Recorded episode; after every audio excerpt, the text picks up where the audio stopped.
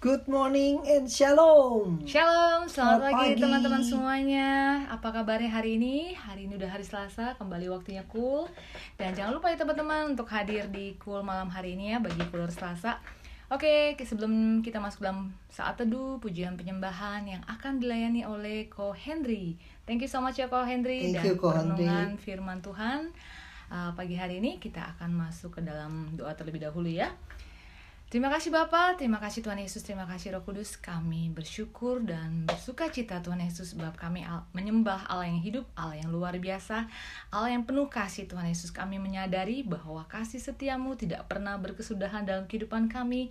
Kasih setiamu Tuhan gak pernah terukur, tidak terbatas dan sungguh luar biasa dalam kehidupan kami. Kami bersuka cita Tuhan Yesus memiliki Engkau dalam kehidupan kami. Kami bersorak-sorai Tuhan Yesus sebab Engkau Allah yang penuh dengan kebaikan dan kemurahan dalam kehidupan kami. Saat ini Tuhan Yesus kami mau siapkan hati kami untuk memuji menyembah Engkau. Engkau yang berkati kami supaya kami terus memberi yang terbaik. Dan dengan sepenuh hati kami memuji menyembah Engkau sebab kami tahu Tuhan Yesus hanya Engkau yang layak ditinggikan, hanya Engkau yang layak diagungkan dan dihormati untuk selama-lamanya. Berbicara melalui firman-Mu pagi hari ini Tuhan Yesus, sampaikan isi hatimu dan kami semua siap menerima firman-Mu. Di dalam nama Yesus kami berdoa dan mengucap syukur. Haleluya. Amin. Amin. Musim akan selalu berganti Kasih Tuhan tetap abadi Tak akan berubah sampai selamanya. Ku tetap percaya. Ku yakin Tuhan memberkati. Ku yakin Tuhan melindungi. Burung di udara Tuhan pelihara Karena kasihnya. Tuhan selalu menolongku Selalu menjagaku. Sehelai di rambutku Tak akan terjatuh Tanpa seizinku Tuhan selalu menolongku Selalu menjagaku.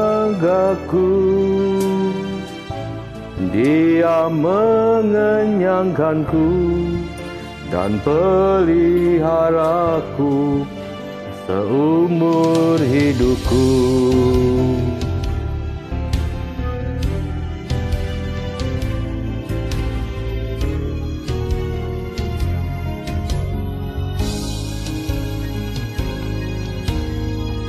Tuhan selalu menolongku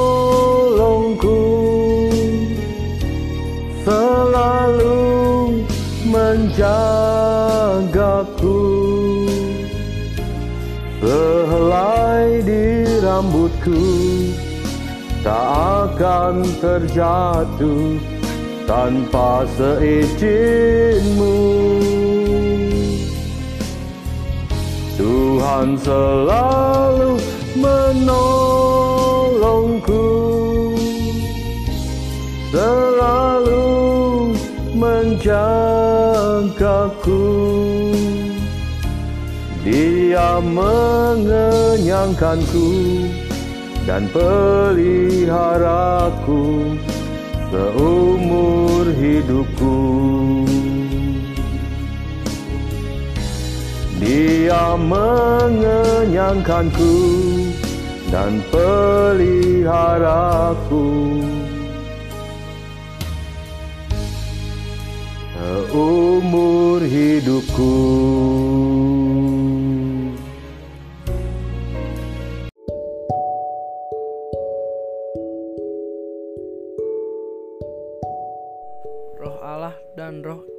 Antikristus. Saudara-saudaraku yang kekasih, janganlah percaya akan setiap roh, tetapi ujilah roh-roh itu. Apakah mereka berasal dari Allah? Sebab banyak nabi-nabi palsu yang telah muncul dan pergi ke seluruh dunia. Demikianlah kita mengenal roh Allah. Setiap roh yang mengaku bahwa Yesus Kristus telah datang sebagai manusia berasal dari Allah. Dan setiap roh yang tidak mengaku Yesus tidak berasal dari Allah. Roh itu adalah roh antikristus, dan tentang dia telah kamu dengar bahwa ia akan datang, dan sekarang ini ia sudah ada di dalam dunia.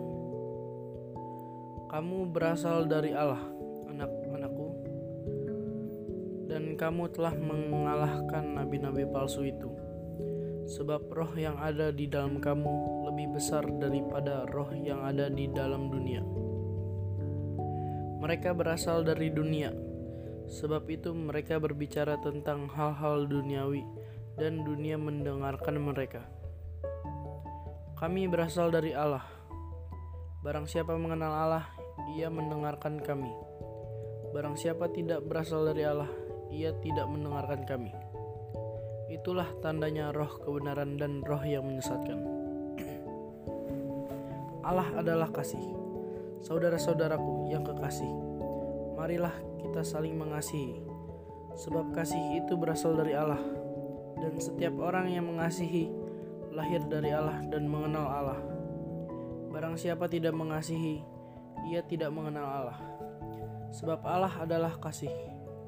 Dalam hal inilah kasih Allah dinyatakan di tengah-tengah kita, yaitu bahwa Allah telah mengutus anaknya yang tunggal ke dalam dunia, supaya kita hidup olehnya. Inilah kasih itu, bukan kita yang telah mengasihi Allah, tetapi Allah yang telah mengasihi kita, dan yang telah mengutus anaknya sebagai perdamaian bagi dosa-dosa kita. Saudara-saudaraku yang kekasih, jikalau Allah demi sedemikian mengasihi kita, maka haruslah kita juga saling mengasihi. Tidak ada seorang pun yang pernah melihat Allah. Jika kita saling mengasihi, Allah tetap di dalam kita, dan kasihnya sempurna di dalam kita. Demikianlah kita ketahui bahwa kita tetap berada di dalam Allah, dan Dia di dalam kita. Ia telah mengaruniakan kita mendapat bagian dalam rohnya. Dan kami telah melihat dan bersaksi bahwa Bapa telah mengutus anaknya menjadi juru selamat dunia. Barang siapa mengaku bahwa Yesus adalah anak Allah, Allah tetap berada di dalam dia, dan dia di dalam Allah. Kita telah mengenal dan telah percaya akan kasih Allah kepada kita Allah adalah kasih dan barang siapa tetap berada di dalam kasih, ia tetap berada di dalam Allah dan Allah di dalam kita. Dalam hal inilah kasih Allah sempurna di dalam kita, yaitu kalau kita mempunyai keberanian percaya pada hari penghakiman. Karena sama seperti Dia, kita juga ada di dalam dunia ini. Di dalam kasih yang tidak ada ketakutan Kasih yang sempurna melayapkan ketakutan, sebab ketakutan mengandung hukuman, dan barang siapa takut, ia tidak sempurna di dalam kasih. Kita mengasihi karena Allah lebih dulu mengasihi kita. Jikalau seorang berkata, "Aku mengasihi Allah," dan ia membenci saudaranya, maka ia adalah pendusta. Karena barang siapa tidak mengasihi saudaranya yang dilihatnya, tidak mungkin mengasihi Allah yang tidak dilihatnya. Dan perintah ini kita terima dari Dia. Barang siapa mengasihi Allah, ia harus juga mengasihi saudaranya.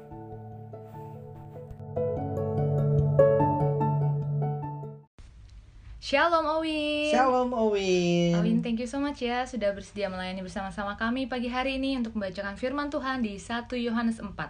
God bless you. Ayat favorit saya di 1 Yohanes 4 ayat 1 7 sampai 8. Dear friends, do not believe everyone who claims to speak by the Spirit. You must test them to see if the Spirit they have comes from God, for there are many false prophets in the world. Dear friends, let us continue to love one another, for love comes from God. Anyone who loves is a child of God and knows God. But anyone who does not love does not know God, for God is love. Oke teman-teman, di pasal ini Yohanes kembali menekankan dua hal penting, yaitu yang pertama, kita harus hati-hati dengan nabi-nabi palsu. Kita perlu ngetes mereka nih, apakah roh yang mereka miliki berasal dari Tuhan? Jadi jangan asal atau sembarangan percaya ya kalau ada orang-orang yang klaim bahwa mereka menyampaikan pesan dari Tuhan. Karena benar ya Fit ya, di akhir zaman ini semakin banyak pengajar-pengajar palsu yang memiliki spirit antichrist. Iya, betul sekali. So, teman-teman, cara ngetesnya nih. Yang pertama, kita perlu cek apakah perkataan mereka matching dengan God's word in the Bible. Ya, betul. Apakah sesuai atau uh, selaras dengan firman Tuhan yang kita baca di Alkitab kita. Nah, kemudian kita juga perlu ngecek apakah mereka percaya bahwa Jesus is fully God and fully human. Apakah Tuhan Yesus benar-benar sepenuhnya Tuhan dan sepenuhnya manusia. Kemudian kita juga perlu cek bagaimana dengan komitmen mereka terhadap Tuhan Yesus dan juga terhadap tubuh Kristus. So, teman-teman, kita perlu berhikmat ya dalam mendengar dan membaca pengajaran-pengajaran atau penyampaian-penyampaian firman Tuhan.